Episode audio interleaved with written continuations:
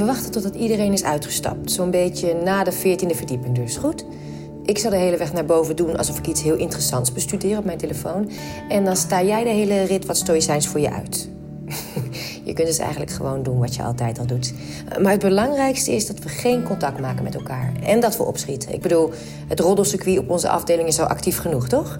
En als we dan op de 14e verdieping zijn en iedereen de lift uit is... dan druk ik meteen alle knoppen tegelijk in. Dat zag ik laatst in een film, dat dat zo werkt. Ja, uh, maar als jij denkt dat het anders gaat, be my guest. Uh, vertel me alles. Ik heb hier geen ervaring mee. Goed. Die lift hangt dus stil.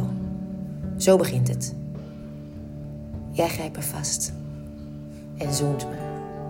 Eindelijk. Ik knoop je broek los. Wil die meteen omlaag trekken, maar je houdt me tegen. Wacht. Fluister je. Niet zo snel. Maar we hebben nu eenmaal niet veel tijd. Ik bedoel, onze collega's hebben de vaste technische dienst al bijgehaald.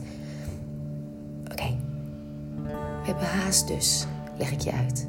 Heel veel haast. Je knikt. Je snapt het. Je gaat door je knieën.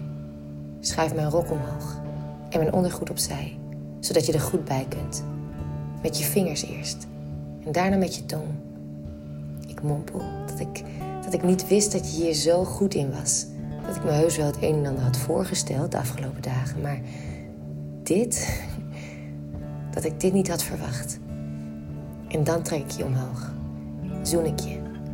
Ik hou je vast. Luister naar je gezucht terwijl ik je aftrek. Je lijkt het nu ineens wel heel goed begrepen te hebben. Die haast. Je hijgt dat ik moet stoppen. Duwt me richting de hoek van de lift en ik draai me om. Ik voel hoe je mijn benen iets uit elkaar duwt. Hoe je je vingers in mij laat glijden. En dan voel ik jou in mij. Je stoot. Je stoot. Stoot. Langzaam en diep. Sneller, fluister ik, sneller. Maar dat doe je niet. Nee, fluister je terug.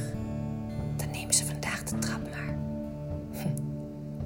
Liefs, Birgit.